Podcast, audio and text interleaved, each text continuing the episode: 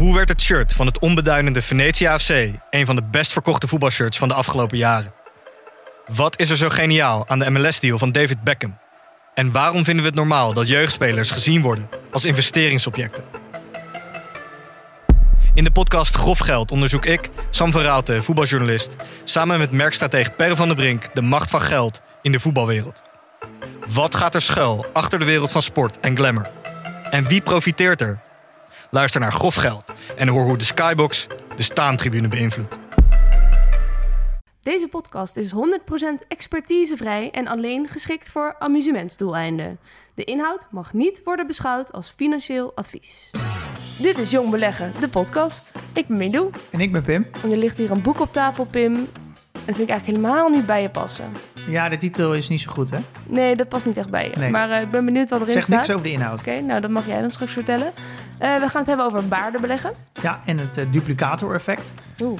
En zoals beloofd hebben we het over de watch en de wishlist. Een concurrent van TikTok is in China naar de beurs gegaan. Ja, Kuaishu. Zo, wat zeg je dat ook weer mooi. Dat is ook een hele mooie naam, vind ik. Ja, en we hebben het over bitcoin. Ja. Want ja, dat zag ik gisteren op Nieuwsuur. Dus als het Nieuwsuur het erover heeft, dan weet ja, je dat het het speelt. Bespreken. En nog Ja. een aantal vragen van de luisteraar.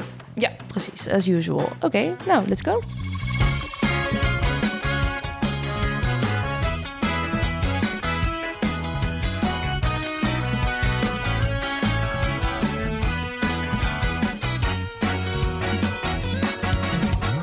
Ik ben weer te laat, hè?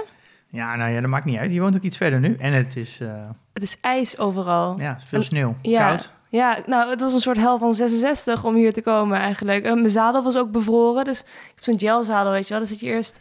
Nou ja, het was gewoon van begin af aan vet koud. En niemand kan fietsen, blijkbaar. Want ik, ja, bij mij ging het nog wel aardig, maar iedereen die stapt af en die moest op de rijbaan. En nou ja, volgende keer kom ik echt weer op tijd. Ik heb geen nieuwe trend eh, Nou, maakt helemaal niet uit. Ik was lekker aan het wachten met een kopje koffie. Ja, en, en thee en een glas water. Ik ben echt verwend. Ehm, even één dingetje. Er ligt hier op tafel een boek en de titel is Verdubbel je geld in vijf jaar. Beetje foute titel. Vind ik ook eigenlijk helemaal niet bij jou passen. Maar dit ben jij dus aan het lezen. Nee, ja, dat klopt. Het is een beetje een, eh, rare titel. De, de eh, auteur eh, Sam Hollanders, die heeft het ook in, eh, in eh, een van zijn eerste hoofdstukken beschreven dat de uitgever deze titel wilde. En dat hij er zelf eigenlijk helemaal niet van houdt. Het is een beetje zo'n, eh, ik noem het, eh, op internet zou je dat clickbait noemen. Ja, En, eh, je wordt er eigenlijk een beetje vies van als je die titel leest. Je- daarom vind ik me ook helemaal niet staan op jouw tafel. Nee, maar het is ook de. Het is een beetje hetzelfde als de 4-Hour Workweek van Tim Ferriss. Het is ook zo'n eh zo'n clickbait-titel. Mhm.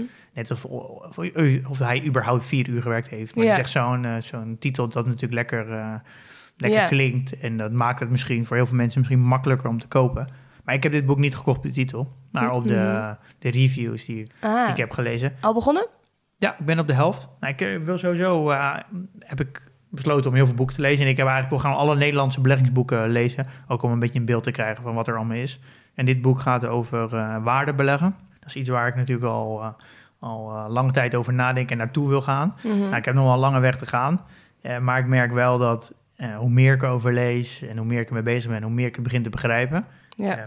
Ik ben nog lang niet zo ver dat ik nu ook echt eh, even zo'n eh, een, eh, discounted cashflow methode uit mijn mouw schud om een intrinsieke waarde van een bedrijf te berekenen. Interessant. ja. Ehm, Maar ik kan je wel beloven, daar, gaan, we- daar ga ik wel komen. Als we zo richting het einde van het jaar gaan, dan durf ik wel te zeggen dat ik een, eh, en ik een waardebelegger kan zijn. En dan kan ik gewoon heel goed bedrijven analyseren en intrinsieke waarde berekenen. Dat Ja. gaat me wel lukken. Ik ben Maar- nu ook langzaam wat mensen aan het spreken, die, eh, waar ik mee bel, die al verder zijn. Dus dan gaan we gewoon een uurtje even bellen en kijken wat ik... eh krijg ik even een mini... kom je in contact met die mensen dan? Ja, die mailen mij. Van ik, eh, Over, dat zijn gewoon mensen die ook bezig zijn met waardebeleggers, die Ja. het leuk vinden om daar even over te praten. Ja, die mailen mij van nou, ik, eh, ik kan je wel eh, even op gang helpen. Dus dan bel ik en dan gaan we even video bellen en dan eh, gaan we daarover praten. En dan leer ik weer een hoop. Zit over na te denken om binnenkort eh zulke soort gesprekken eens een keer video op te nemen. Dus als ik Ja. toch aan het bellen ben. En dan kijken of ik die kan delen met, eh, eh, met alle vrienden in de community. Zodat die ook eh, die ruwe gesprekken die, die niet geëdit zijn, eh, Ja. misschien ook wat van kunnen leren. Maar oh eh, ja, dat is wel een idee. moet even over nadenken of, eh, of de ander dat ook leuk vindt natuurlijk. Nee, je kan het als experiment doen. Ja. Ja. Nou, ben ik, eh, zit ik nu over na te denken. Ja. Nu zo aan de tafel. Ehm, Maar die titel die is er dan dus gewoon ja, opgeplakt door de, ja, door de uitgever eigenlijk. Maar daar gaat het dus helemaal niet over. Nee. En wat zijn dan bijvoorbeeld, eh, ja, je bent op de helft zeg je, maar heb je al belangrijke dingen geleerd? Ja, ik heb wel een hoop. Ik maak ook in notities. En Mhm. ja, ik, ik wil uiteindelijk eh, een soort van. Ja, dat klinkt allemaal heel groot, maar het is meer voor mezelf een soort van investment manifest schrijven. Ik, ik lijkt me leuk om het uiteindelijk mezelf te zien als een soort van fonds. En een fonds heb je normaal klanten. En dan moet je Mhm. dus ook vertellen eh, wat, je, wat je, ja, je beleid is, waarin je in belegt, waarom beleg je in bepaalde bedrijven en wat is je visie, je Ja. filosofie. En daar, commit, daar committen eigenlijk dan de klanten op die, die geld in het fonds stoppen. Ja, maar jij hebt toch geen klanten? Nee, maar het lijkt mij heel leuk om dit wel op te schrijven om, om jezelf te dwingen om, er, om erover na te denken, om het op papier te zetten. Ja, en ook ja. jezelf een soort van richtlijnen te geven. Het dwingt je om goed na te denken over de keuzes die je maakt en wat je... Ja, en het op papier te zetten. Want ik merk gewoon heel erg dat als je niks op papier hebt in je hoofd, dan kan het heel snel zijn als de, als de maand lang de beurs verandert, dat je dan ook in je hoofd weer mee verandert. Ja. Dat gebeurt nogal snel. Dat als op dat moment een maand lang alleen alle waardeaandelen naar beneden gaan en alle groei aannemen, dan denk je, ja, ik, ik ga toch wel meer weer naar groei. Je wordt heel wispelturig, denk ik. Wat zijn dan regels in jouw fonds die je opschrijft? Nou, uiteindelijk wil ik steeds meer richting waardebeleg gaan. Ik denk dat dat ja.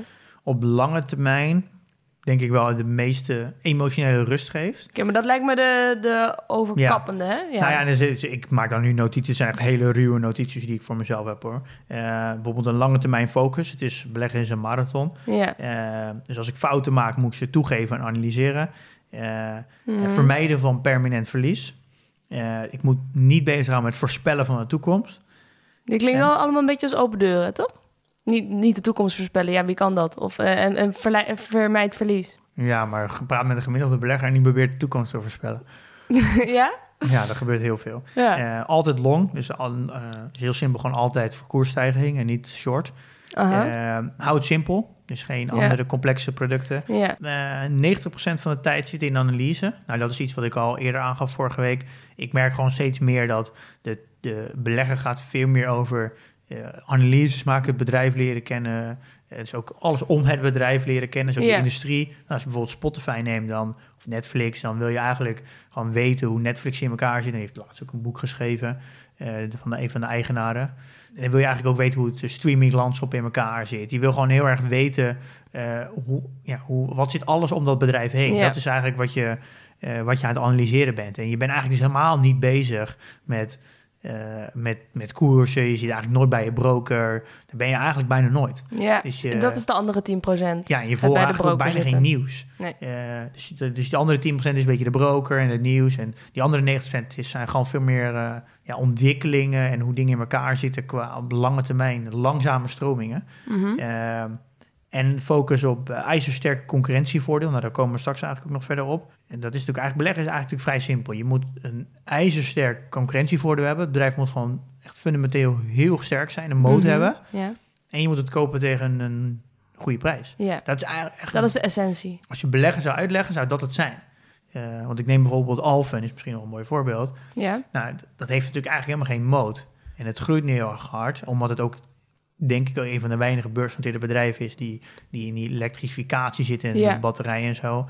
Maar eh, dit heeft natuurlijk helemaal geen moot. Het, is, het, is helemaal, het heeft helemaal niks unieks. Het heeft geen patenten, het heeft geen naam. Het, heeft, het enige waarom het nu hard groeit, is omdat het in een markt zit dat heel erg nodig is. En een van, er zijn maar heel weinig beursgenoteerde bedrijven die dat aanbieden. ja. En dat, is, dat strookt uiteindelijk niet met jouw eh, overkoepelende visie op nou ja, het waardebeleggen. nou, of het moet nog zich verder ontwikkelen. Maar het heeft gewoon geen echt unieke Nee. positie. Dus Ja. het gaat hoe dan ook, eh, gaat dat een keer ten koste van de marges. Want er is dus ook heel makkelijk, komt er concurrent bij die hetzelfde product gaat aanbieden. Want, Dan gaat hij er dus uit je portefeuille. Nou ja, dat zijn dus wel dingen waar je dus nu anders naar gaat kijken. En dan Ja. heb je natuurlijk wel, je hebt ook, ik heb natuurlijk ook groei en trendbeleg als categorie. En Ja, ja, je moet je ook niet, eh, ik vind ook wel, je moet de strategie ook niet zo nemen als, nou dit is het en ik doe niks anders meer. nee, want die zag ik ook wel bij je regels staan. Van als je ehm, een bedrijf eh, koopt dat in een, een groeiende trend zit, dat is ook een reden om het eh, natuurlijk in je portfolio te houden. Ja, Ook al heeft het misschien niet een moot. Nou ja, je hebt ook wel... mo- Moet het ja. aan elke regel voldoen? Nee, maar ik, ik, ik ben eigenlijk voor mezelf een beetje een... Ik wil natuurlijk sowieso een mix en ik ben ook niet zo van... Ik ga mezelf uh, keiharde regels opleggen en daar moet ik echt aan houden. Misschien over tijd, misschien wel. Maar ik vind ook trend en, groei, en groeiaandelen, een beetje trend beleggen. Mhm. En groei, dat vind ik ook heel leuk, omdat dat namelijk eh, vaak bedrijven zijn... die ik gewoon heel interessant vind en Ja. leuk zijn. En dan, nou, dan kan ik het ook doen. Maar daar zou ik dan ook weer andere voorwaarden aan verbinden. Precies. Dan laat je dat mode gebeuren even los en dan kijk je naar wat andere regels die Ja, meer en ik denk dat, eh, dat ik daar ook wel een, een groepje aandelen zou willen bezitten. Ehm, en dat ja, kan je ook een beetje momentum noemen. En daar, daar zal ik wat korter op de bal moeten zitten. Dus dan zal ik scherper moeten in de gaten moeten houden. Hoe, wat voor trend is er nu? Ja, zit er veel geld in de markt? Zit het, wat is nu de, waar zit nu de groei? Eh, waar zit nu een beetje momentum? Dus het zal veel meer kort op de bal moeten zijn. Zit natuurlijk ook daardoor een hoger risico. Ja, En dat lijkt nu natuurlijk, omdat we alleen maar omhoog gaan, dat dat heel makkelijk is. Maar dit is natuurlijk een uitzonderlijke periode. Je gaat natuurlijk ook andere tijden kennen straks, waar soort trendbeleggen en, en momentum aandelen natuurlijk veel, veel moeilijker zijn, veel risicovoller. Dus, eh, ja. maar dat blijft natuurlijk wel leuk. Eh, en daar, Mhm. daar ben ik nu een beetje aan het kijken. En je kan bijvoorbeeld bij zo'n, eh, denk ik misschien ook wel een mooi voorbeeld, zo'n Fastly. Dat is dan misschien dan wel nu eh, echt wel superieur wat ze doen qua technologie. Maar of ze echt ooit een moot gaan krijgen, dat betwijfel ik natuurlijk extreem. Ik denk wel eigenlijk dat dat gewoon niet is.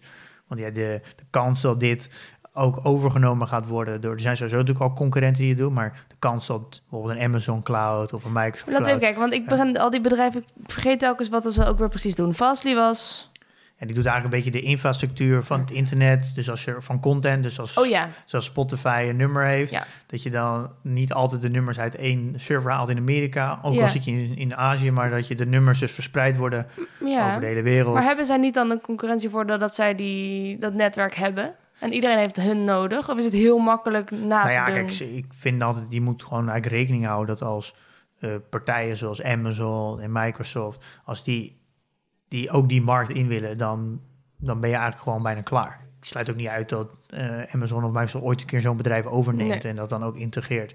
En dan denk je wel van ja, als je echt op lange termijn gaat kijken, dan zit natuurlijk in een extreme groeimarkt nu, maar als de marges straks echt omhoog gaan, dan weet je nu gewoon nu al zeker, er gaan zulke partijen er ook in zitten. ja. Eh, dus ja, dan, dan drogen die marges al gelijk weer op. Dus ik zou, ik denk nooit dat Vesely op lange termijn echt een extreem sterke moot gaat krijgen. Is het dan Ja. niet een beetje toekomst voorspellen wat je nu aan het doen bent?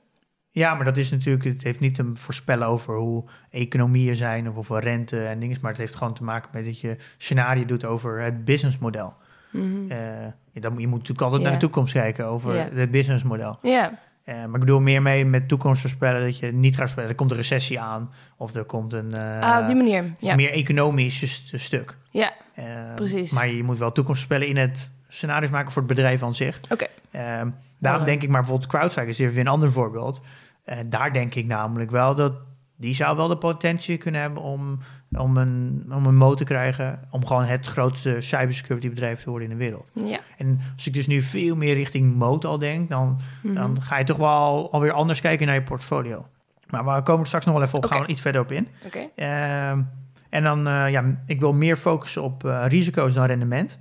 Eh, en dat is iets wat ik wel, me wel realiseer. Al, al laatst tijd alle analyses die ik gemaakt heb, die zijn ook heel erg gefocust op ehm, allemaal alleen maar positiviteit. Gewoon eh, bijvoorbeeld die uh, take, just die takeaway, heb ik eigenlijk Mhm. alleen maar positief gehad. Maar ik had ook de risico's moeten definiëren. En dat heb ik eigenlijk, Je hebt gekeken naar wat gaat er allemaal goed. ja, maar ik heb niet een lijst gemaakt wat kan er mogelijk allemaal fout gaan. Eh, en, Spreekt wel voor je, die positieve insteek. Ja, maar ik dat- snap wat je bedoelt. maar dat moet ik dus eigenlijk nog wel doen. ja. Want mm, Just Eat Takeaway heeft zeker een aantal grote risico's. Ja. Eh, en daar heb ik eigenlijk, dat heb ik niet benoemd. En heb ik ook niet bewust opgeschreven. En daar moet ik wel meer gaan doen. Voel ik een huiswerkopdracht aankomen? Ja, ik moet eigenlijk, dat is wel wat ik mezelf nu wil gaan. Ik wil ook gewoon een risicolijstje maken. Want elk, Ja. elke belegging heeft risico's. En het is een beetje naïef om ze niet op te schrijven en, niet, en weg te stoppen. Ja, ja dat is ik- eigenlijk ook belangrijker. Want, ja, veel belangrijker. want, want regel nummer één is don't lose money. Ja, nee, je hebt helemaal gelijk. En regel nummer twee is don't forget rule number one. Ja, nee, je hebt helemaal gelijk. Eh, en daardoor, als ik die risico's goed opschrijf, kan ik dat ook af en toe teruglezen. En dan kan ik dat ook monitoren of, of die risico's ook daadwerkelijk goed of slecht uitpakken. Ja, Eh, dus daar moet ik nog meer op gaan focussen. vind ik ook. Meer focus op risico. Ja. En ik wil aandelen bezitten over een periode van eh, drie tot vijf jaar ongeveer. Met waardebelegging moet je- is het eigenlijk de basis dat je een heel goed bedrijf hebt die op dat moment iets ondergewaardeerd is. Of, eh, of onder intrinsieke waarde of ondergewaardeerd verrekend met de markt. En je moet wel het aandeel de tijd geven om ja, om het eruit te laten komen, die waarde. Die waarde, dat gaat ook in een golfbeweging. Dus je, je moet wel, wel met het idee van drie tot vijf jaar om die waarde te laten verzilveren. Ja, En dat geeft ook gewoon een heel fijn gevoel. Want ik denk namelijk als je op een gegeven moment een paar jaar verder bent en je hebt alle aandelen ongeveer drie tot vijf jaar, dan heeft het ook heb je jaarlijks ook niet zo heel veel, hoef je ook niet zo heel veel meer te doen. Want die aandelen bezit je toch voor een lange periode. En als je er de 15, 20 hebt, dan zal de- ja, dan zullen er maar een paar aandelen per jaar, dus zo'n vier, vijf aandelen per jaar, waar je echt wat mee moet. De rest die bezit je dan en hou je nog gewoon vast. Dus dat Ja. maakt het beleggen dan ook een keer super eenvoudig. Dan heb je er eentje, bijna één per kwartaal waar je wat mee moet. Ja, dan wordt beleggen natuurlijk eigenlijk heel erg passief. En dat is natuurlijk waar je, eigenlijk- Dat wil je. waar je naartoe wil. Ja. Ja, en je wil een bedrijf die, in een, die, waar, die de markt structureel groeit. Dus je wil in een groeimarkt zitten. Nou, daar is bijvoorbeeld zo'n... eh, nou ja, ik denk dat eh, sigaretten dan is een mooi voorbeeld. Of bijvoorbeeld olie. Dat is gewoon duidelijk, die krimpen gewoon. En, en ja. daar wil je eigenlijk eh, Wel van weg blijven. van wegblijven. Ja. Want ja, als je het dan lang vasthoudt, dan weet je gewoon dat de marges gewoon, eh, Ja. gewoon opdrogen. Eh, dus daar wil je eigenlijk van wegblijven. Eh, je wil eigenlijk ook in een industrie zitten waar potentieel de marges heel hoog zijn. We zijn nog steeds bij jouw regels, hè? Ja, dat, Ja. Zijn, een- ja, dat zijn een beetje mijn regels. Ja. Eh want ja, de bouw bijvoorbeeld, daar zit een marge in van een paar procent. De auto-industrie zit ook heel weinig marge. Mhm. Daar wil je eigenlijk een beetje van wegblijven, omdat de kans gewoon heel groot dat als het een keer fout gaat, dat de marges, ja, dan ben je, zit je gelijk in de min. Oké, ja. En je wil een veiligheidsmarge instellen. En dat houdt in dat je, als je een berekening doet, bijvoorbeeld de DCF-methode, dus de Discounted Cash Flow-methode, dat je altijd een mar- veiligheidsmarge inbouwt van ongeveer eh, 25, 30 procent. Dus als je een berekening doet op wat het bedrijf waard is, dan wil je altijd dat, het, dat je het ongeveer tussen 25 en 30 procent daaronder koopt. Dat is je veiligheidsmarge die je hanteert eh, wanneer je het bedrijf koopt. Dus een soort vuistregel. Ja. Ja, die, dat is eigenlijk de, de kracht van waardebeleggen, dat je altijd een veiligheidsmarge hanteert. Ja. Ja, je kan, je, je kan liggen wat voor informatie erin stopt, wat je eruit krijgt. En dat is natuurlijk een interpretatie van toekomstige groei ook. Mhm. Eh, En daar wil je eigenlijk, daar komt dan een koersprijs uit. En die koersprijs, die wil je een veiligheidsmarge inbouwen. Dus er zit altijd 25 tot 30 procent eronder. Dus als je berekening een beetje ernaast zit, dan heb je altijd een marge ingebouwd. Ja, precies. Dus ehm, volgens mij linkt dit dan ook een beetje aan waar we eigenlijk afgesproken hadden om het over te gaan hebben, deze aflevering. Daar komen we straks verder op. Maar over dat wishlist, watchlist gebeuren. Dan ga je dus, stel dat je een bedrijf wilt hebben en je hebt die veiligheidsmarge. Dan ga je wachten tot die eh, op het goede punt komt. En dan Ja. ga je hem kopen. Ja, ja, dat, dat, staat ja je doet, het idee is eigenlijk dat je een berekening doet van wat vind ik het bedrijf nu waard, in, Ja. eh, samen met de ko- toekomstige winsten en cash, Ja. eh, cashflow. En dan komt daar op een gegeven moment een, een, een koersprijs uit en dan pak je nog een veiligheidsmarge. eh, en dan heb je een koersprijs van als die daaronder komt, dan koop ik hem. Yes. Ehm, je verkleint gewoon je risico. ja. Eh, maar wat ik eigenlijk, ik merk dat dat echt te berekenen op eh, wat is nou de intrinsieke waarde, dat is best wel een uitdaging. Daar moet ik echt nog veel in leren. Eh, en dat ga ik natuurlijk ook wel doen, dat leren. Maar wat ik nu wel alvast wil gaan doen, is gewoon kijken naar het bedrijf of het een echt een sterke concurrentievoordeel heeft. Hoe zit het in elkaar? Wat voor marktaandeel heeft het? Heeft het hoge marges? En daar ben ik nu eigenlijk heel erg op focussen. En dan ga, zo met die blik ga ik ook door mijn portfolio heen. Ehm, en nou, dat is ook de, hoe ik naar mijn watchlist en mijn wishlist kijk. Ja. Eh, dus ik ben eigenlijk een, eh, twee lijsten aan het samenstellen waar ijzersterke bedrijven op zitten. Eh, eh, dat, en door de jaren heen bouw je dat lijstje steeds verder uit. En op een gegeven moment, als je al vijf jaar belegd of tien jaar belegd, dan heb je op een gegeven moment gewoon een lange lijst van bedrijven. Die heb ik ooit een keer goed bekeken. Die zijn ijzersterk. En dan wordt beleggen natuurlijk steeds makkelijker. Want je, ja, op een gegeven moment heb je gewoon een lange lijst. Je houdt die lijst gewoon in de gaten. Ja. En af en toe komt, gaat er eens eentje af, komt er eens eentje bij. Ja, dan wordt beleggen natuurlijk eigenlijk vrij makkelijk dan. Eh, als je eenmaal dat klaar hebt zitten. ja, je hebt een soort van overzicht. Oké, tot zover je regels dan, denk ik, of niet? eh, die Ja, dit is, dit is opgeschreven. een eh, begin. Dit, zijn maar, dit is mijn klad. Maar Ja. hier ga ik dus de komende tijd nog verder aan eh, schaven. Ja, wou je nog iets uit het boek halen verder? Ja, ik wil het het, eh, er is nog één ding wat mij eigenlijk wel opviel. En dat is het duplicator-effect. Daar had ik dus nog nooit van gehoord. Ik ook niet. Of in ieder geval die naam niet. Ehm, ja, Warren Buffett's belangrijkste regel, nou ja, jij noemde het net al even. Rule number one, never lose money. Rule number two, and never forget Rule rule, number one. one. Nou, dat is een soort van logisch. Je, iedereen kent dat wel, je moet geen geld verliezen. Dat klinkt Ja. zo logisch. Maar hij noemt het eh, het, duplicator-effect. En om eigenlijk die code meer kracht bij te zetten. En dat is, het houdt eigenlijk in dat het eh, duplicator-effect, het, dat het geld wat je vandaag ver- verliest, dat het je morgen ook geen rendement meer kan geven. En daardoor onderbreek je eigenlijk het, het rente-op-rente-effect. Oh, en sterker nog, het is misschien wel het tegenovergestelde van het rente-op-rente-effect. Ja, het is natuurlijk, het, het- je, onderbreekt het. het hele, als je al die compound interest calculaties die mensen invullen, daar gaat het natuurlijk vanuit dat het een onafgebroken reeks is eh, van compounding, rente Ja. op rente. En doordat je geld verliest, eh, onderbreng je eigenlijk dat, eh, dat effect. Ja. En want al het geld wat je vandaag verliest, kan dus morgen geen rendement meer maken. Oh, wat desastreus dit. En dan, als je het zo stelt, dus eigenlijk die 1000 euro, die, als je bijvoorbeeld 10.000 euro belegt en je verliest 1000 euro op een dag, dan kan morgen die 1000 euro je geen rendement meer geven. Eh, maar dus de dag daarna ook geen niet en de dag daarna ook niet. En dat effect is natuurlijk extreem. Dat komt ook wel weer terug in wat wij voor een paar afleveringen geleden hebben gedaan. Dat we de S&P hebben vergeleken met Dividend Aristocrats. En dan zie je toch dat de dividend aristocrats op lange termijn een hoger rendement hebben. Niet omdat ze het elk jaar beter doen, want de S&P deed het elk jaar beter. Alleen van de, de jaren dat het naar beneden ging, ging de S&P gewoon veel harder naar beneden. Ja, die, die was soms- ook beter naar beneden gaan, inderdaad. ja, dat effect goed maken, dat is gewoon heel moeilijk. Want dat, Ja. dat geld dat je verliest kan de jaren daarna niet compounden. De winsten op lange termijn worden eigenlijk gemaakt door je verlies te beperken. Ja. Daarom, s- hij schrijft ook in het boek dat waardebeleggen daardoor soms best wel moeilijk is. Omdat je namelijk, er zijn gewoon heel veel periodes waar je waardebeleggen gewoon weinig oplevert. En En hij omschrijft deze periode nu Ja. als heel moeilijk, omdat eigenlijk de waardeaandelen heel erg achterblijven en alleen maar groeiaandelen hard groeien. Dus ja. het lijkt heel erg alsof je super dom bent als je alleen maar waardebeleggen nu doet. Maar dat is niet zo. En hij zegt, ja, je, daar moet je ook nooit rendement gaan vergelijken op korte termijn. ja. En daar moet je altijd een lange termijn pakken van vijf tot tien jaar. Ja. Eh, want dan heb je, moet sowieso een compleet economische cyclus hebben gehad om te kunnen laten zien of een strategie echt werkt. Eh, en daarmee kan je eigenlijk vergelijken op korte termijn heeft helemaal geen zin. Nee, Dus Eh, het grote gelijk van Warren Buffett is weer eens te meer bewezen. Ja, dat, en, en dat, ik heb daar ook over gelezen dat, je, dat de grootste valkuil kan ook zijn dat je constant wisselt van strategie.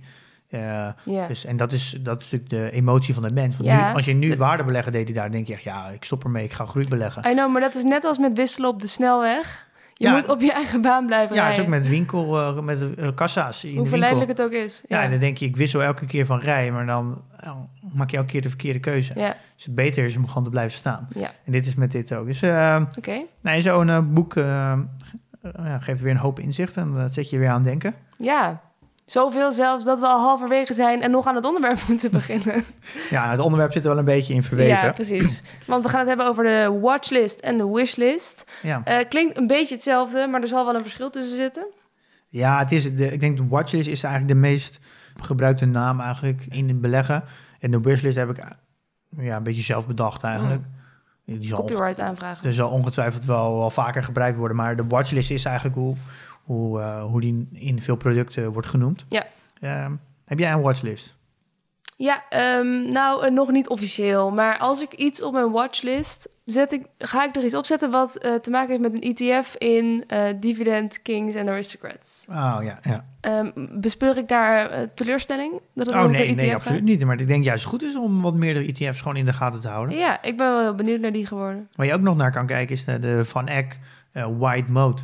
En daar heeft Van Eck baseert daar, heeft daar op een ETF op gebaseerd. Dus dat kan voor jou ook wel, eh, Gaat ook op de kan je watchlist. ook naar kijken. Ja. Ehm, En jij? nou, en misschien even goed om, ja, ik, ik kan zo vertellen welke ik allemaal op eh, watchlist heb. Maar het is misschien nog goed om te zeggen, waarom heb je nou een watchlist nodig? En wat is het verschil? Of in ieder Mhm. geval, wat is voor, voor mij het verschil? Ja, vertel. Ik denk dat je eigenlijk altijd twee verschillende lijsten moet hebben. Ehm, de watchlist is eigenlijk heel erg bedoeld om op korte termijn in de gaten te houden. Om te kijken, nou, als er eh, dit bedrijf vind ik heel interessant. En, of dit moet ik eigenlijk in mijn portfolio bijvullen om een bredere spreiding te hebben. Of ik wil Mhm. iets meer verder. Ik mis deze sector nog. Dat je eigenlijk, een, je bent nou eigenlijk nog niet klaar met je analyse. ehm, maar je wil hem wel, je houdt hem wel in de gaten. Een- Ja. en je wil misschien ook al- misschien nog even een cijferseizoen afwachten om te kijken wat, wat voor ontwikkelingen het mor- doormaakt. Ja, Ehm, je hebt altijd een aantal aandelen in je portefeuille waar je van zegt, nou die, ja, die zullen er wel eerst als eerste instantie uitgaan.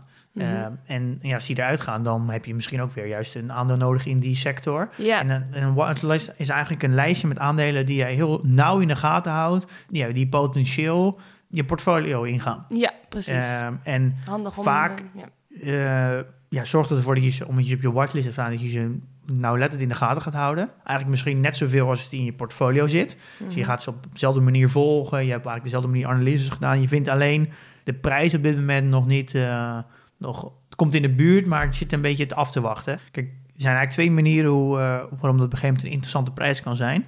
Ehm, ik denk, neem bijvoorbeeld eh, de, de economische omstandigheden kunnen vera- veranderen. Bijvoorbeeld als bijvoorbeeld alles open gaat straks, dan kan denk ik Booking in één keer interessant zijn. Ja, Maar bijvoorbeeld Amazon, die blijft al voor mij, voor mij sinds juni vlak qua koers. Maar ondertussen hebben ze wel al twee keer kwartaalcijfers laten zien die extreem goed zijn. ja. Dus als de koers vlak blijft, eh, maar de, de winsten die eh, verdubbelen, dat betekent eigenlijk dat het natuurlijk gewoon de helft goedkoper wordt. Ja, de koers-winstverhouding verlaagt dan of Ja. met de helft. Mhm. Dus ik heb een aantal aandelen op mijn, op mijn lijstje staan die, die ik heel erg in de gaten hou.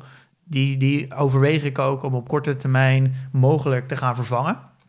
Eh, en ik heb ook een wishlist. En dat is eigenlijk een. ja, dat zijn eigenlijk allebei de, of zowel de wishlist en de watchlist zijn eigenlijk bedrijven die gewoon ijzersterk zijn. Eh, en vooral op de wishlist staan bedrijven die eigenlijk gewoon eh, ja, die een, hele goede concurrentiepositie hebben, maar je eigenlijk weet, die zijn gewoon duur en die zijn eigenlijk altijd duur. Die kan je gewoon nooit goedkoop kopen. Die aandelen die wil je eigenlijk een beetje eh, in de gaten houden, gewoon met een schuin oog. Met het idee, als er een correctie komt, dan pak ik ze. van 10% of zelfs een crash met de corona van 30%. Als het een bloed door de straten stroomt, dus dan, dat je dan gaat toe, eh, aanvallen. Dus dan zie jij, zie jij 30% zakken en je ziet alleen maar rode cijfers. Dan zit jij in je handen te wrijven. precies. Dan pak je je lijstje, je wishlist erbij en dan denk je... Ben je voorbereid? Dit is Ja. eh, Black Friday voor mij. Maar, maar wat is dan bijvoorbeeld zo'n bedrijf dat dan zo duur is? Altijd? Nou, ja, ik heb dan twee voorbeelden. Nestlé is wel een hele goede. Van de afgelopen vijf jaar heeft Nestlé een koers-winstverhouding van 28,3.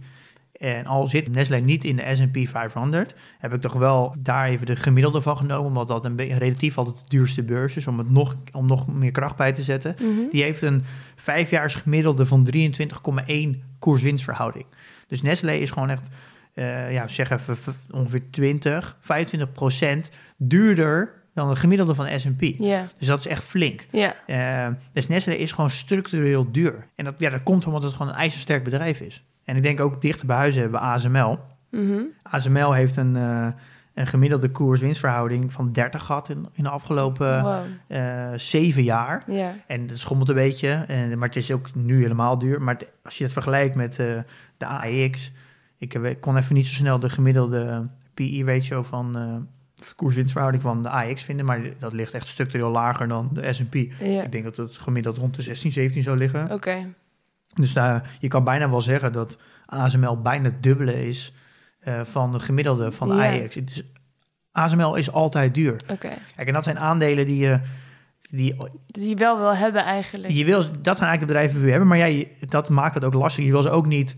want Ze hebben een soort van non-stop een all-time high. Ja. En eh, je kan, ja, als je vorig jaar had gezegd, had je nu ook weer weer winst gehad. Maar je wil het liefst natuurlijk, dat is die risicomarge, de veiligheidsmarge die we inbouwen. Dat je het aandelen natuurlijk eigenlijk altijd met een beetje een, eh, met een beetje een korting wil kopen. ja. Eh, want dan verklein je gewoon het risico. Eh, maar de kans bestaat dan wel dat je het nooit gaat kunnen kopen. ja, dat, dat is natuurlijk aanwe- aanwezig, ja. Eh, daarom wil je eigenlijk altijd, een, dat is een beetje je, wat je kan doen. Je, het is ook een andere oplossing.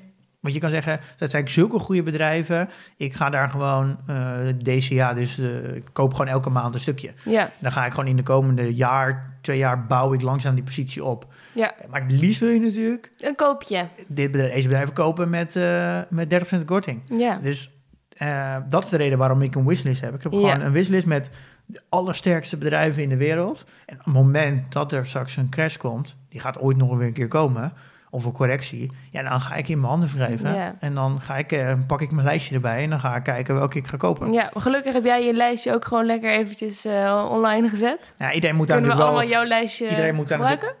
Nou ja, je neemt dat lekker als basis om, eh, Ja. om, om ze- veel, verder zelf onderzoek naar te doen. Het is een beetje een mengelmoes geworden van allerlei soorten eh, bedrijven. Nou, Bijvoorbeeld L'Oreal, Nestlé, Procter Gamble en eh, LVMH. Dat is van eh, Louis Vuitton. ehm, Moet Hennessy. Dus cognac, champagne en Louis Vuitton. Wat een Ja. heerlijke...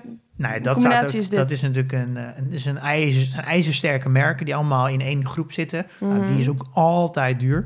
Nou, Apple is heel vaak duur. Nike is altijd duur. Nou, ja, Tesla is duur. Ehm, eh, ik heb Spotify er ook bij gezet. En daar twijfel ik dan wel een beetje over. Hoe, hoe sterk het merk echt is. Want je, het is makkelijk kopieerbaar. Maar is, is op zich hou ik dat wel in de gaten. Nou, Shopify is, eh, is meer een groeiaandeel. Maar ik merk wel dat je- dat heeft gewoon ook weinig concurrentie, denk ik, op lange termijn. Dat is ook een, een goed model. Nou ja, Mastercard, die zit natuurlijk in een industrie waar je een duopoly hebt met Visa en Mastercard. Ja. Eh, Tencent uit China. Nou, en dan heb je ook wat kleinere bedrijven zoals Tor Industries. Dat kent eigenlijk bijna niemand, maar die maken caravans. En er, Oh. zijn, er zijn eigenlijk twee grote partijen, Oh ja, daar heb je wel eens over verteld. twee grote partijen in de wereld die caravans maken, waar Tor Industries er één van is. Thor heeft een moot. Je hebt eh Deer eh, en Co. Ja. Ja, die kennen we misschien van de Van trekker. de trekkers. Ja, nou, die, die hebben ook eigenlijk by far een moot. Eh, dus eh, eigenlijk bijna alle trekkers komen daar vandaan. En die kunnen gewoon hun, hun marge altijd hoog houden. Mijn lijst bestaat vooral uit hele grote bedrijven die we allemaal wel kennen. En daar is het heel makkelijk om te zien of ze een moot hebben. Ja. Maar het liefst wat je natuurlijk door de jaren heen wil doen, is dat je die lijst wil uitbreiden met bedrijven die een moot hebben in een veel kleinere sector. En bedoel je dan bijvoorbeeld dat Thor Industries, wat bijvoorbeeld. jij ontdekt hebt? Ja, Thor of Deer, eh Deer Ja. Co. Maar er is ook bijvoorbeeld een Nederlands bedrijf, bijvoorbeeld eh, Hunter Douglas. Eh, dat ken- kennen heel veel mensen niet, maar dat doet raamdecoratie. En er is eigenlijk een, eh, een andere Europese concurrent, en dat is een Franse Somfy. Eh, dit is een, een vrij kleine markt. Ja. Ehm, Het is wel grappig, want het klinkt meteen allemaal een beetje truttig. Caravans, trekkers en raamdecoratie. Ja, nee, maar dat je, het makkelijkste is om een moot te zien in de vorm van een Microsoft, een Ja. Facebook. Maar je hebt natuurlijk ook modes in kleinere industries. Ja. En eh, je wil uiteindelijk je lijst natuurlijk opbouwen in, in wat kleinere industries. En want daar zit er gewoon veel minder aandacht. En als je natuurlijk vooral Nederlands bedrijf hebt, dan heb je ook niet zo de hele de wereld die ernaar kijkt. Dat, dat gebeurt vaker dat succesbedrijven ondergewaardeerd zijn dan een bedrijf als Mastercard. Dat zal niet zo snel meer niet zo snel ondergewaardeerd zijn, omdat daar ook het grote geld in zit. Daar Ja. zitten alle pensioenfondsen in. Maar in zo'n Hunter Douglas, daar kan geen pensioenfonds in zitten, want dan, ja, dan hebben ze gelijk het hele bedrijf overgenomen. Omdat bedrijven gewoon relatief klein zijn. Ja, ja, ja. Dus de kans dat daar een onderwaardering in komt, Ja. minder analisten volgen het. Dus daar zit sneller een onderwaardering in. Oh, hier zit wel een leuke uitdaging in voor de kleine particuliere belegger die... eh, Maar dat schrijft, hij ook in het boek. Eh, hij belegt heel erg ook in echt small caps. Hij noemt zelfs ook microcaps, noemt hij dat. mhm. Het zijn bedrijven die, die dus heel klein zijn, maar wel heel, heel sterk zijn. Maar waar eigenlijk het grote geld nooit in kan zitten. Want als een pensioenfonds erin gaat, dan bezitten ze gewoon eigenlijk gelijk eigenlijk het hele bedrijf. Die posities zijn dan gewoon te klein. Het is een soort van pareltje spotten, is dit. Ja, alleen, Dit wordt, dit, dit vind, nou wordt het leuk, vind ik. Ja, maar dit is natuurlijk dit is moeilijker, want die, hoe vind je die bedrijven? Want die bedrijven wordt niet over geschreven, zijn Nee. weinig analisten die het volgen. Ja. Maar als je door die jaren heen zulke soort bedrijven langzaam opbouwen, want je bouwt natuurlijk gewoon een, een wishlist op met allemaal bedrijven die ijzersterk zijn, dan, eh, ja, dan hoef je dus eigenlijk alleen maar een beetje in de gaten te houden of wat de waardering een beetje, of de waardering interessant is. Maar dan moet je hem wel een beetje kunnen monitoren, maar moet je Mhm. kunnen vinden. Ja. En ik denk ook wel dat als je dat door de jaren heen doet en je hebt een, een goed beleid op je wishlist of op je watchlist, hoe je het wil noemen, dan kan je altijd, en is er elk moment altijd wel één van jouw eh, bedrijven in jouw wishlist dat, eh, dat, ja, dat het een goede prijs is. Ja. Dit voelt voor mij ook als een, een hele duurzame manier van beleggen, omdat je namelijk de kennis, de tijd en energie die er nu in steekt, die ga je over lange tijd heel erg kunnen gebruiken. Dus com- Ja. kunnen compounden Betaalt zich uit. kan heel erg kunnen. Ja, dus ik denk ook wel dat de, de kracht van beleggen ook steeds meer dus in je wishlist gaat zitten. Eh, Hmm. en, niet, en niet, dus niet alleen maar in je portefeuille. Ja, Daarom wilde ik je eigenlijk hier heel erg over hebben. Ik ben nu veel meer bezig met mijn wishlist dan eigenlijk met mijn, ja, met mijn portefeuille zelf. ja. Ehm, nou, er staan nog wel veel meer bedrijven op. En ik denk dat die lijst de komende tijd ook wel veel langer wordt. Ehm, ik heb er een aantal opgezet, dus je moet maar even op de website kijken. En dan zie je er een aantal eh, voorbeelden. ja. En ik denk dat iedereen zelf moet beoordelen of die vindt dat het ook daadwerkelijk een moot heeft. En ik wil uiteindelijk een soort van sterrensysteem hanteren voor mezelf.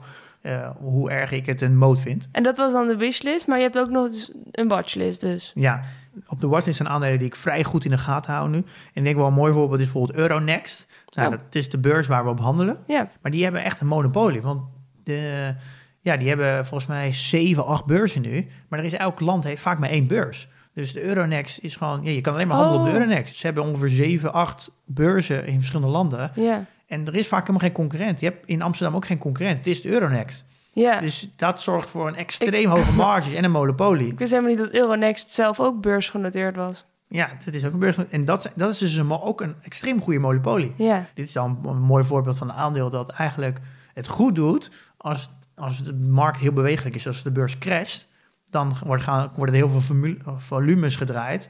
En dat is weer goed voor Euronext. Dus het is een beetje... dempend effect. Ja, dus daar ben ik ook naar aan het kijken. Want hoe kan ik nou, want ze zeggen ja, spreiding is gratis lunch. Dus je ben ook, ben ook steeds meer aan het kijken, hoe kan ik nou echt unieke bedrijven pakken die, die eigenlijk bijna losstaand zijn, zoals een Euronext, die dus ook voor zorgen voor nog betere spreiding, eh, waardoor ik eh, mijn risico nog meer verlaag. ja. De watchlist is eigenlijk, die staat er nog boven de wishlist. De wishlist ligt er zeg maar onder, maar de watchlist... Dat de is watchlist wat- is iets wat, wat, potentieel Ja, ehm, erin kan komen. erin kan. Dus als, er een, als ik een aandeel moet verkopen, omdat er bijvoorbeeld eh, ik, er is een nieuwe, een nieuwe CEO die me niet aanstaat, of de cijfers, of er gebeurt wat in het bedrijf, waar ik denk, nou, dit is gewoon, dit, dit, ik, dit is zo'n koerswijziging, nou, vertrouw, nu geloof ik er niet meer in. Ja. Of ik vind het aandeel echt te duur geworden, dan moet ik het aandeel kunnen verkopen. Maar dan moet ik natuurlijk ook, dat geld moet wel ergens in. Dan moet ik eigenlijk een, wel een, een lijstje met aandelen Een goede kla- alternatieven. klaar heb staan, die ik dan ga vervangen. Maar dan moet ik wel in de gaten houden dat, het, dat ik ook wel goed mijn spreiding in eh, Ja. doe. Ehm, Oké. dat is een beetje hoe ik er nu mee omga. Ja. Om, omdat ik namelijk een gelaagdheid wil creëren, dat mijn wishlist kan namelijk best lang zijn. Eh, maar dat zijn bedrijven die ik eigenlijk niet volg, niet in de gaten hou. Om ook gewoon mezelf te beperken, dat ik niet te veel bedrijven volg. En mijn watchlist, die wil ik, daar wil ik ongeveer tussen de 25 en de 50% van de holdings die ik in mijn portefeuille heb, op hebben. Om, en die volg ik wat nauwlettender. Daar kijk ik ook echt Oké. of de, wanneer de cijfers komen, wat ze Ja. doen. En Oké, zo, eh, zo doe ik dat. oké. Helder. Nou, dan zijn we er wel, dan zijn we er wel, hè? Ja, denk ik ook. Dan gaan we naar de Portfolio Dividend Tracker Update. Is er een update? Want je zei vorige keer al van ja, we moeten nu gewoon even hard doorwerken. Ja, nou, er is eigenlijk, dat, dat is eigenlijk geld nog steeds een beetje. Maar ik, ik wil eigenlijk even een, eh, toch eigenlijk een momentje pakken om, eh, om nog even iets verder uit te zoomen. En nou, alle vrienden van de show doen een donatie voor 60 euro per jaar. Dat is 5 euro per maand. En eigenlijk met die steun, die donatie, kunnen wij eigenlijk eh, de basis van de portfolio dividend tracker opzetten. Mhm. Wij proberen dat eh, binnen een jaar te doen. Dus dat houdt in dat 1 september aanstaande. 2021, Ja, ja. dus dit jaar. Eh, om eigenlijk de eerste stabiele versie helemaal te hebben. En ik vermoed dat het iets eerder zou kunnen. Maar on- en ondertussen kunnen alle mensen feedback geven, meedenken en natuurlijk alvast het product gebruiken. Eh, alleen, ja, omdat het, voelt wel een beetje alsof we op een rijdende... De trein is aan het rijden. En wij Mhm. zijn ondertussen nog het spoor aan het aanleggen. Ja, Zo voelt het een beetje. Eh, dus ik wil eigenlijk ook wel alle vrienden even bedanken voor ook het, eh, het geduld. het vertrouwen. En het vertrouwen, maar ook, ook de manier hoe ze daarmee omgaan. Kijk, als je een rijdende trein een rails aanbelegt, ja, dan bumpt dat af en toe een beetje. Dan gaat het af en toe wel eens mis. Maar ja, dat hoort er een beetje bij bij ontwikkeling. Eh, er is wel eh, begrip voor. ja, er is heel veel begrip voor. En ik merk ook in de community dat heel veel mensen daar ook eh, heel veel geduld voor hebben. En het ook mm, ja, niet erg vinden. En ik wil daar toch ja, een soort van bedank voor uitspreken dat iedereen daar zo'n manier mee omgaat. En dat ja, ik kan eigenlijk niet wachten naar het moment dat we een, een portfolio dividend track hebben waar, waar ik zelf veilig en verantwoord mijn portfolio in kan beheren. Dat het een tool is waar ik elke dag in kan loggen, waar ik met een, een fijn gevoel ja, in kan werken. En ik hoop eigenlijk heel erg dat, en dat zie ik ook, dat alle vrienden dat ook heel erg dat idee, dat, ja, een soort van die visie hebben. En dat ze zien, nee, na een jaar, dan heb, heb ik ook een tool waar ik dat heel goed kan doen. En Ja. ik wil toch even iedereen, nogmaals iedereen bedanken dat, eh, ja, dat ze er ook zo mee omgaan en op dezelfde manier inzitten. Ja, Pim en ik zijn jullie zeer erkentelijk eh, voor de steun ook. We hebben weer allemaal nieuwe vrienden erbij gekregen. Eh, waarvoor heel veel dank. Ja, Heel leuk. En het is ook echt gezellig in de community. nou ja, je merkt wel, we- je leert wel een hoop door, je leert ook een hoop door te praten en te lezen en andermans ideeën te zien. En ja, Ja. Dus dat, samen weet je natuurlijk altijd meer dan één. En ja, Ja. ik, kan je van heel erg van, van elkaar leren. Ja. Ehm, ja, Oké, nou leuk. Ehm, gaan we naar het nieuws. Ik zat eh, gisteravond Nieuwsuur te kijken. Gisteravond was voor mij dinsdag. Ik weet niet wanneer de luisteraar dit hoort. En toen hadden ze het zelfs daar over bitcoin. Nou, dan is er echt iets aan de hand. ja, nee, ja, wat heb je gezien dan? Nou, dat Tesla zich ermee is gaan... of Elon Musk zich ermee is gaan bemoeien. En dat hij ja, weer totaal door het dak stijgt. En dan krijg ik een beetje... Ja, wat was het? Een aantal jaar geleden. Flashbacks.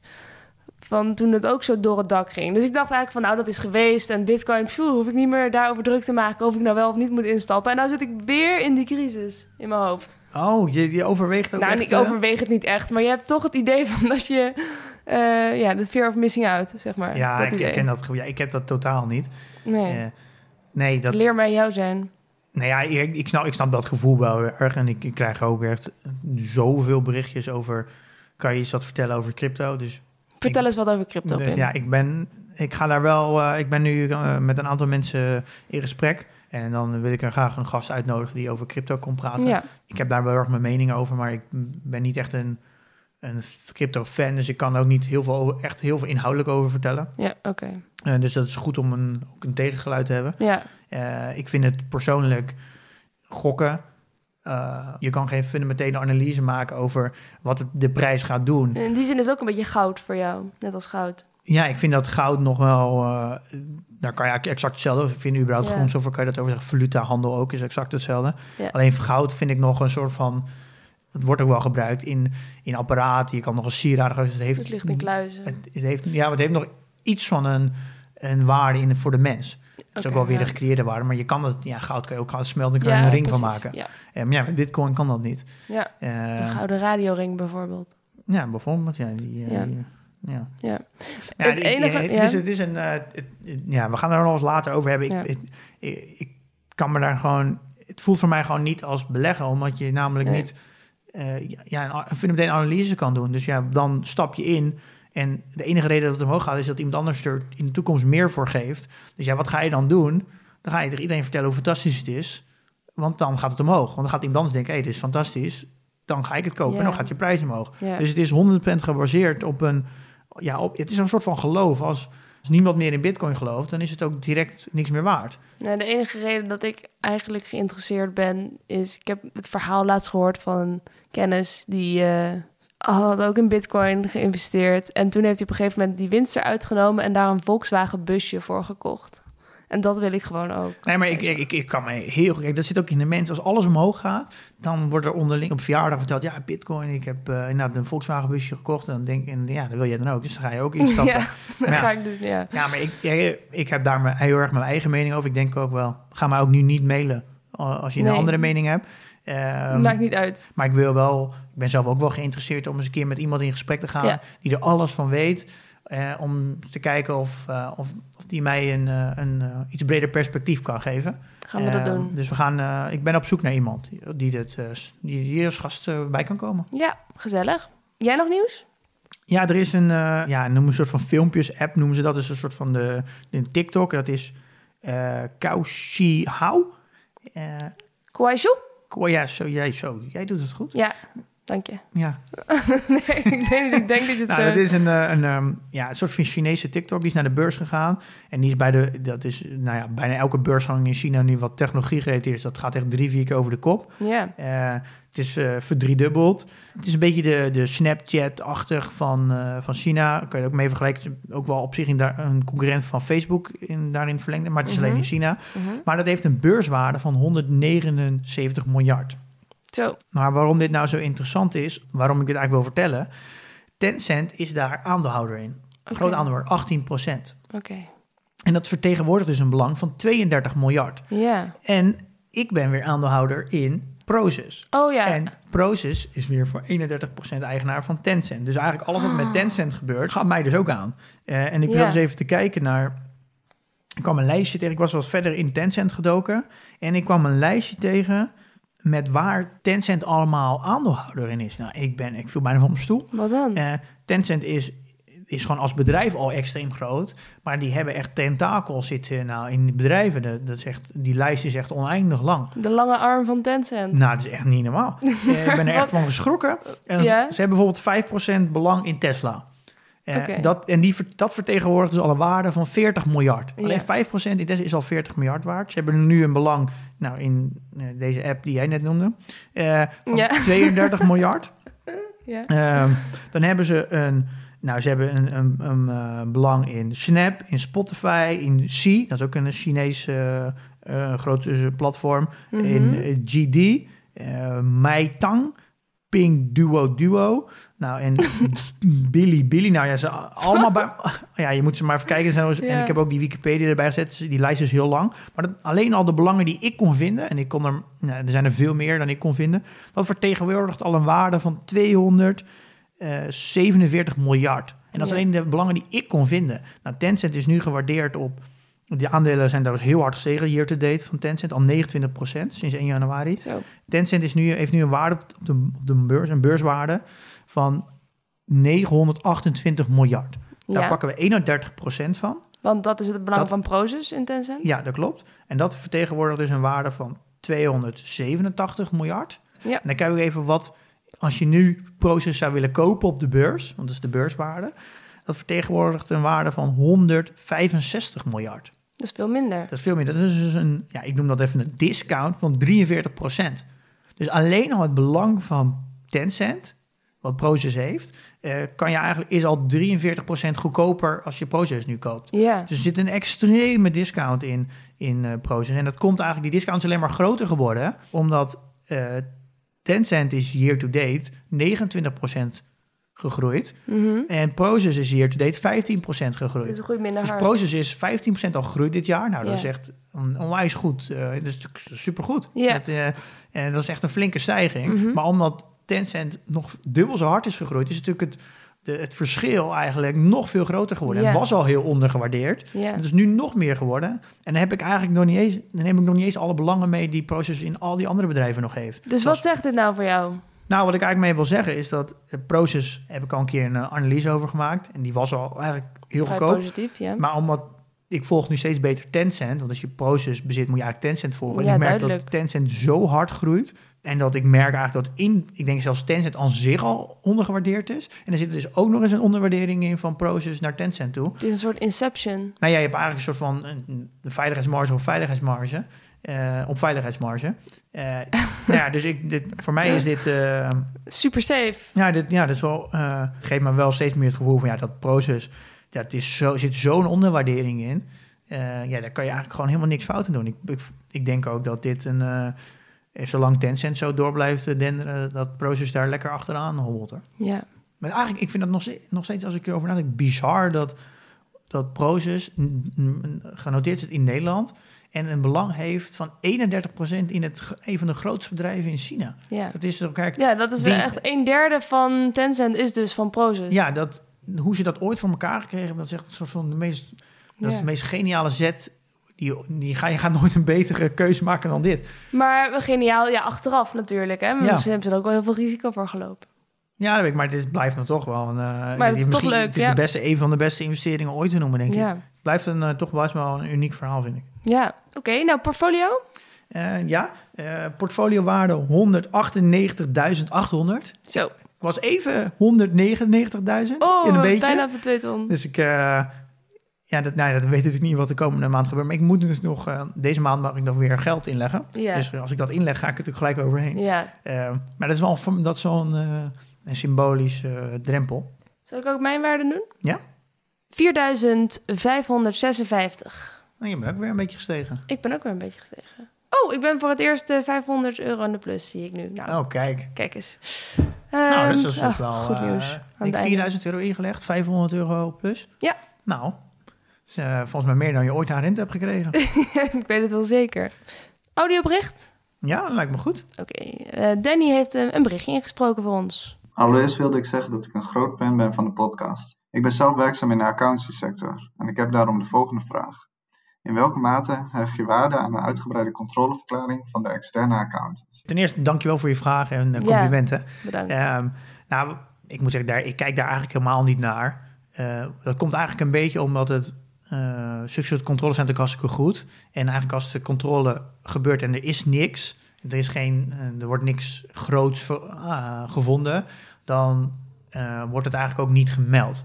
Je merkt het wel aan eh, nieuwsberichten waaraan voor analisten eh, ook inzichten geven. Dat als dit afwijkt, dus door een externe accountant, dan, dan wordt het nieuws. Dus het is een beetje, de standaard is eigenlijk een beetje zo, als het gewoon oké is, dan hoor je er nooit wat over. Mhm. Als, het, eh, als er wat fout gevonden is, dan hoor je het heel erg. Dus, dus het is natuurlijk supergoed dat dit gebeurt. Dat is een soort Ja. van extra veiligheidsmechanisme die is ingebouwd om ervoor te zorgen dat, er, dat, ja, dat alles dubbel gecontroleerd wordt. Dus voor mij is het eigenlijk zo, ik kijk daar nooit naar. Het is eigenlijk meer dat het valt me wel op als het daadwerkelijk afwijkt. Want dan Ja. wordt er namelijk over geschreven. Ja, precies. Oké. Ja, rest ons nog eventjes te zeggen wie er volgende week te gast is. Ja, we hebben weer een gast. Dat is wel eh, leuk weer. Ja, ehm, dat is de CEO van Wereldhaven. Pim, wat is Wereldhaven? Nou ja, Wereldhaven hebben we al een paar keer benoemd toen over de REITs de aflevering. Het is een uh, vastgoedbedrijf in, uh, in Nederland, beursgenoteerd. Ja. Uh, en deze aflevering gaat niet over Wereldhaven aan zich. We gaan niet het hele bedrijf Wereldhaven bespreken. Maar de Matthijs Storm, de CEO van Wereldhaven. Um, en we gaan met hem eigenlijk het perspectief van een directeur bespreken. Op het hele beleggen. Ja, kijk, we, wij aandeelhouders. Bekijken, we bekijken constant alles vanuit een aandeelhouder naar het bedrijf toe. En ik zou heel graag een keer met een CEO willen praten die uitlegt en zijn visie op de aandeelhouder geeft. Ja, goed dus idee. Hoe ziet de aandeelhouder ons? Ik ga hem ook de vraag stellen: hoe kan je nou als belegger een, een management goed beoordelen aan de buitenkant? Ja. En zulke soort vragen. Ik, Dat kan een directeur natuurlijk, als het goed is, als geen ander beantwoorden. Ja, en hoe kunnen wij nu zien als belegger wanneer het onderneming goed gerund wordt? Ja, ja. Ja, ik, heb er, ik kijk er heel erg naar uit. Ik heb Ik even ook. een uh, voorgesprekje met hem gehad. Het is een hele makkelijke praten, dus het wordt, uh, wordt een hele leuke aflevering. Leuk, zin in. Spannend ook. Um, nou ja, dan heb ik nog een advies voor de luisteraar. Investeer in je kennis en beleg met beleid.